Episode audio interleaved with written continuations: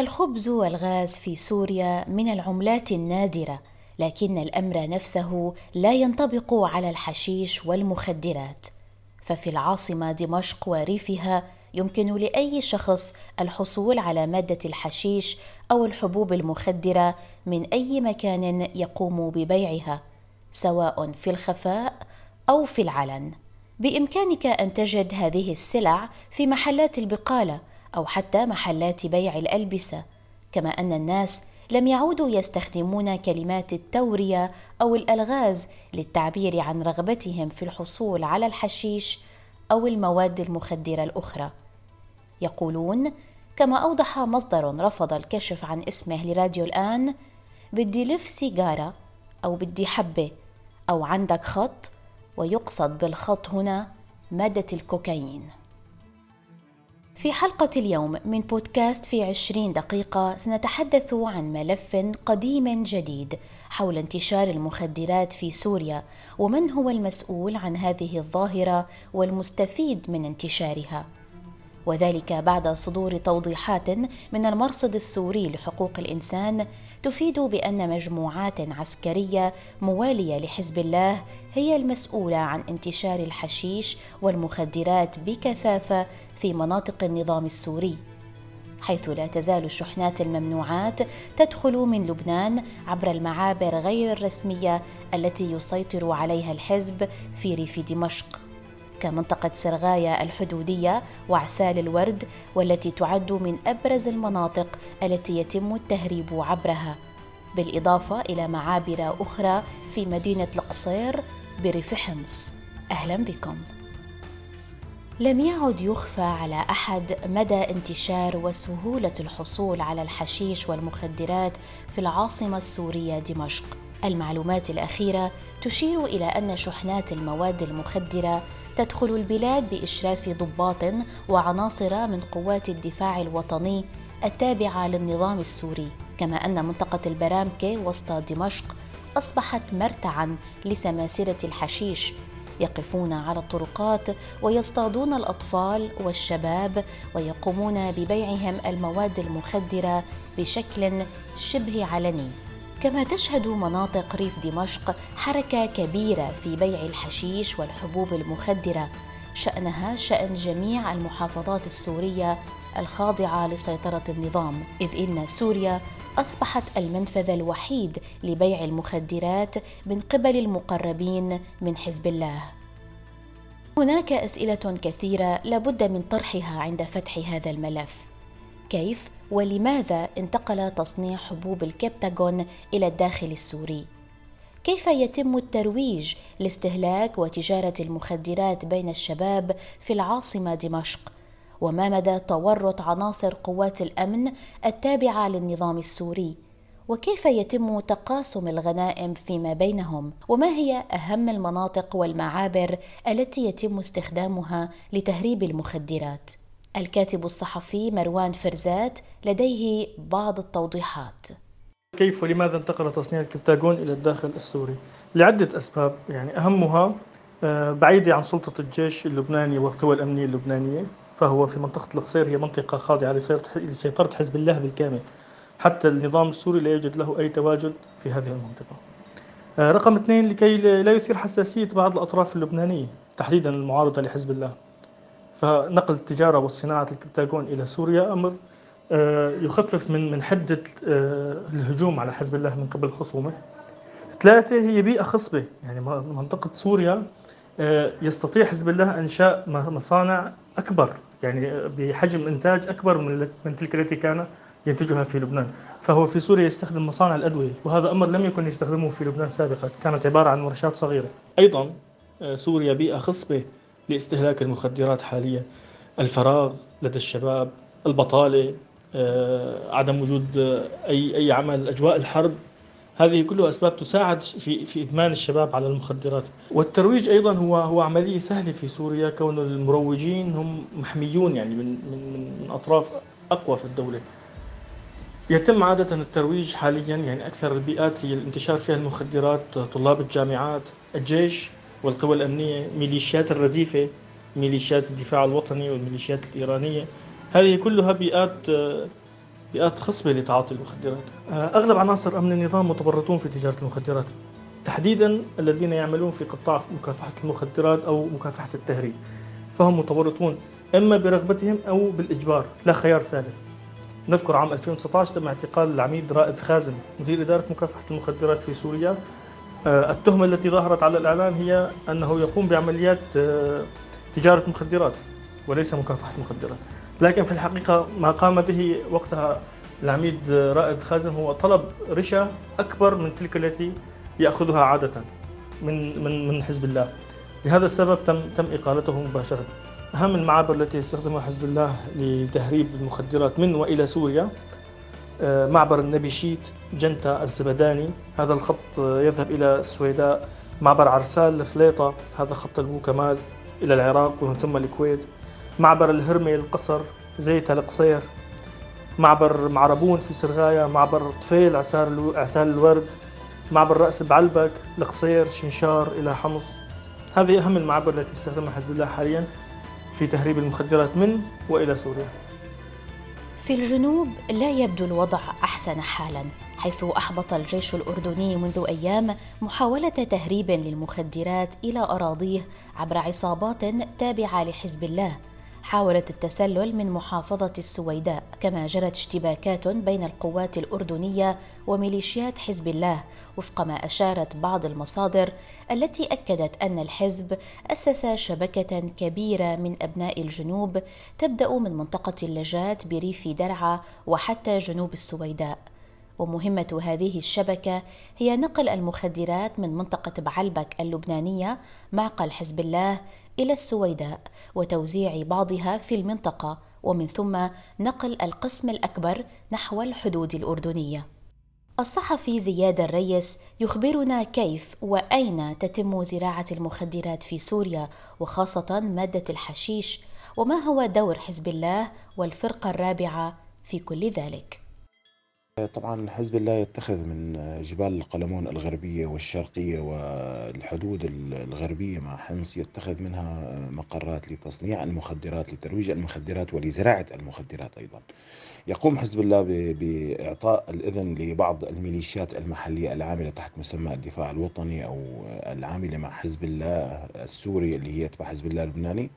يعطيهم الصلاحيات والغطاء الأمني بالتنسيق مع الفرقة الرابعة ومع آه، إدارة أمن الدولة والمخابرات الجوية في سوريا لزراعة آه، المخدرات. طبعا آه، زراعة المخدرات غالبا ما تكون بأراضي مصادرة أو أراضي تعود لمهجرين. يتم زراعة المادة الحشيشة تقريبا هي أكثر شيء تزرع. وعندما ينضج المحصول هو طبعا يكون في عادة بالخريف تأتي اليد العاملة الخبيرة لقطف هذه المحصول من لبنان. طبعا يدخلهم حزب الله عن طريق المعابر آه، الغير شرعية المعابر التي يستخدمها بنفس الوقت لتهريب آه، المازوت وإدخال المخدرات وإخراج الأسلحة إلى لبنان. يقوم بجني المحصول وترحيله إلى لبنان وإعادة تأهيله هناك من خلال مصانع خاصة لديه خبرات كبيرة. الخبرات هذه اكتسبها من الحرس الثوري الإيراني ويعود بطرح المحصول. شيء طبعا يعني هناك قسم يباع في السوق السورية. دائما نقول أنه الصنف الأسوأ فيما يهتم بتصدير الكميات الكبرى النخب الجيد إلى خارج سوريا. هذا التصدير طبعا هو أكثر شيء أثر على الاقتصاد آه، السوري لأنه بات يستخدم المنتجات السورية لإخراج المخدرات داخلها وكانت طبعا عمليات إلقاء القبض التي حصلت في دول الجوار أو في دول عالمية أو في حوض البحر المتوسط أثرت بشكل سلبي على الصادرات السورية على التجار الصناعيين السوريين لأنه بات هناك آه، آه، فيتو على المنتجات السورية بعد أن أدخل حزب الله. المخدرات في عديد من المنتجات في الفواكه وفي الخضار وفي المعلبات وفي كل شيء كان يصدر من سوريا. آخرها طبعا ما حصل في مصر. عندما ألقت السلطات المصرية القبض على شحنة من ورق الغار وهو محصول بري آه، عادة يتم جنيه في الساحل السوري ويحتاج منه آلاف السوريون. آه، تم إلقاء القبض على شحنة من ورق الغار كان بداخلها قرابة ستة أطنان من الحشيش العائدة لحزب الله اللبناني. طبعا هنا الحزب الله يستخدم نفوذه ويستخدم علاقاته ويستخدم قوة حضوره في سوريا لدس المخدرات داخل شحنات في الساحل السوري دون علم أصحابها أحيانا طبعا أحيانا يكون هناك عملية تآمر واحيانا يكون فعلا أصحاب هذه المصانع وهذه المنتجات لا يعلمون أن حزب الله سيقوم بإفراغ الحاويات في الميناء ووضع المخدرات داخلها وإعادة توجيهها واستلامها عن طريق عملاء في الدول المتوجهة إليها. في نيسان أبريل من العام الماضي داهمت الشرطة العسكرية الروسية مستودعا يحوي مواد مخدرة في منطقة معربة بريف دمشق الغربي. تبين لاحقا أن وصايته تعود لشخص سوري مقرب من حزب الله. جاءت تلك المداهمة في حينها بعد أن اشتكى بعض الأهالي من ترويج أشخاص مقربين لحزب الله للمخدرات في المنطقة. وفي كانون الأول ديسمبر الماضي نجحت السلطات الإيطالية في كشف شحنة من مخدرات الأمفيتامين أو ما يعرف بحبة الكبتاغون حاول حزب الله اللبناني تهريبها إذ بلغ وزن الشحنة 14 طناً ووصلت قيمتها إلى مليار دولار تقريباً في واحدة من أكبر محاولات تهريب المخدرات في العالم. حازم الغبرة مستشار سابق في وزارة الخارجية الأمريكية وخبير في شؤون الشرق الأوسط يحدثنا عن قصة حبوب الكبتاغون بالتفصيل.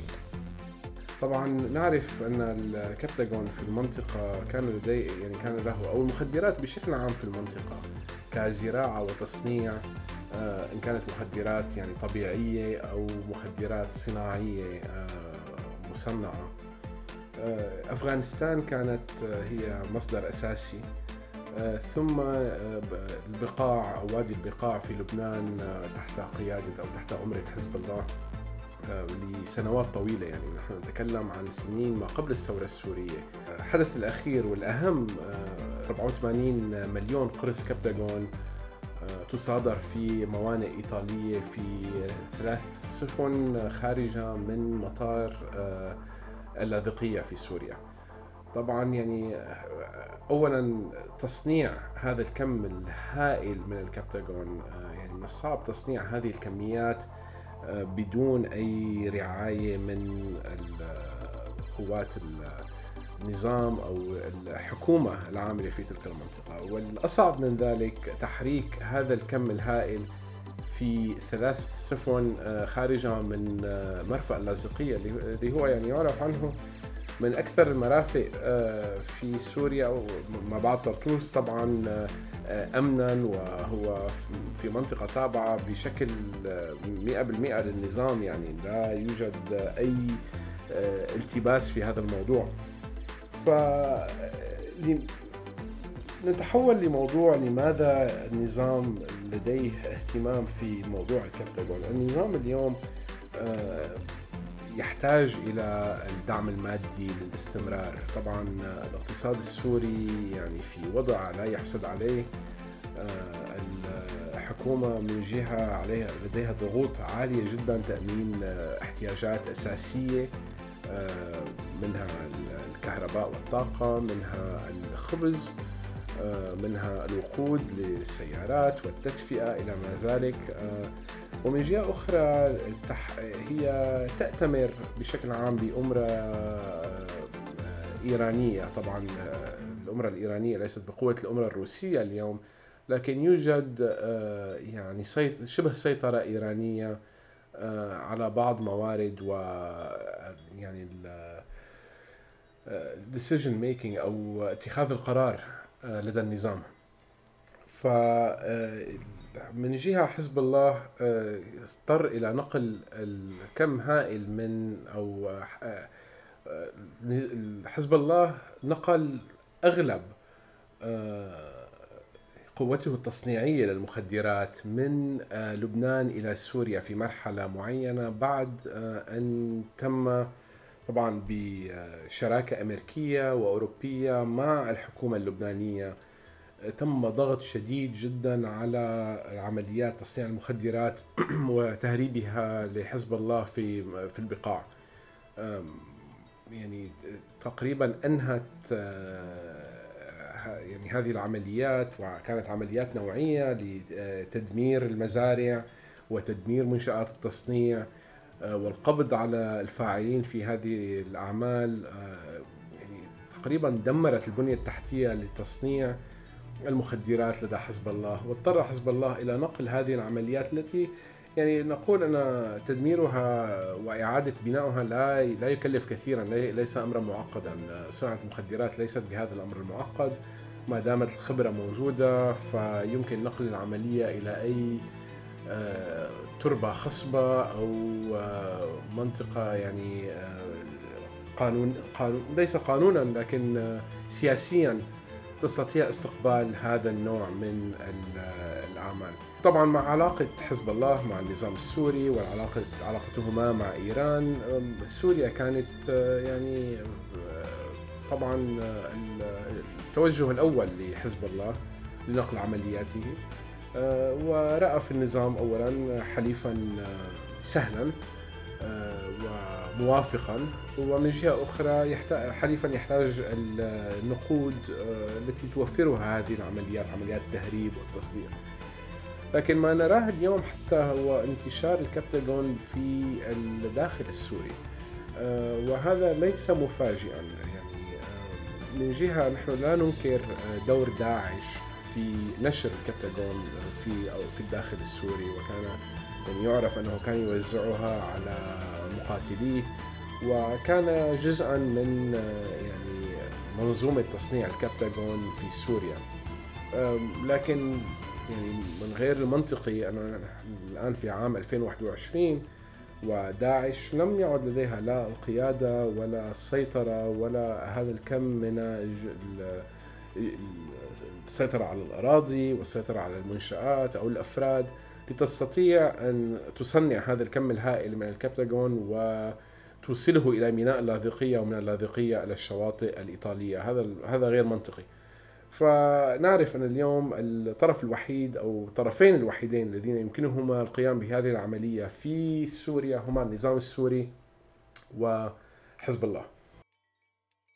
على المستوى الشعبي انتقل العديد من السوريين من حالة استهلاك المخدرات إلى حالة الاتجار بها أو الوساطة بين التجار والمستهلكين الآخرين. كما تحدث ضيفنا الفنان سامي درويش الذي كان شاهدا على ما آلت إليه الأمور في دمشق عندما زارها مؤخرا. وحدثنا عن انتشار مصطلحات جديدة بين الشباب السوري فيما يخص المواد المخدرة. في حالة إنكار مثال على ذلك باب شرقي مثلا تحول إلى آه، يعني إلى شارع من الملاهي يعني نوعا ما.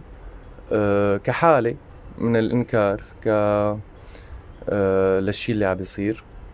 والمشكلة عم بتصير إنه يعني هن عالم نور مثلي ومثلك وناس أحيانا جيل جديد أحيانا طالع آه عم بيستهلك هي المواد آه عم بيجيب هي المواد من مصدر معين يعني مصدر آه له مصدر والمصدر هداك له مصدر كمان. فهي حالة يعني في تسلسل إحنا ما فينا نوصل أو نعرف مين الراس الكبير ولكن نعرف إنه في حالة اعتباطية. في ناس عم تشتري آه، برشيتات آه، فالسو مزورة ترامادول كاريزول. آه، الكبتيجون منتشر ومستفحل بشكل رهيب. ناس كانت مستهلكة ونلعب بعقلها صارت من مستهلكة لعب من تاجر أو وسيطة بين المصدر وبين المستهلكين التانيين. والمصيبة إنه المسؤول عم بيترك يعني هو سامح وقت عم بيشوف إنه هذا الموضوع آه يعني عم عم يصب ضمن أهدافه أو ضمن الأغراض اللي هو بده إياها من هذا الموضوع. ولكن إذا بحد يعني استخدام هي الأشياء إذا بيلاحظ أي ردات فعل آه ما لها تغييبية أو آه تخديرية وقتها بيردع وبيضرب من إيد من حديد. آه أنا كنت من فترة كتير قريبة وشفت بعيني يعني آه الاستخدامات. وعالم تجي بتقول لي بدك كبتي. وفي مصطلحات جديدة طالعة كمان بسوريا. مترب. وبدك كبتي أو بترمد. بترمد يعني بتاخذ ترامادول و... وكتير مستسهلين هي الحالة. كانت هذه حلقة اليوم من بودكاست في عشرين دقيقة. تحدثنا فيها عن سوريا التي باتت عاصمتها على ما يبدو بؤرة لإنتاج وتصنيع المخدرات وللترويج لها ولتعاطيها أيضاً بالإضافة لكونها منصة لتصدير المخدرات إلى دول أخرى. شكرا لكم على الاستماع إلينا ونلتقي في حلقة جديدة على راديو الآن. إلى اللقاء.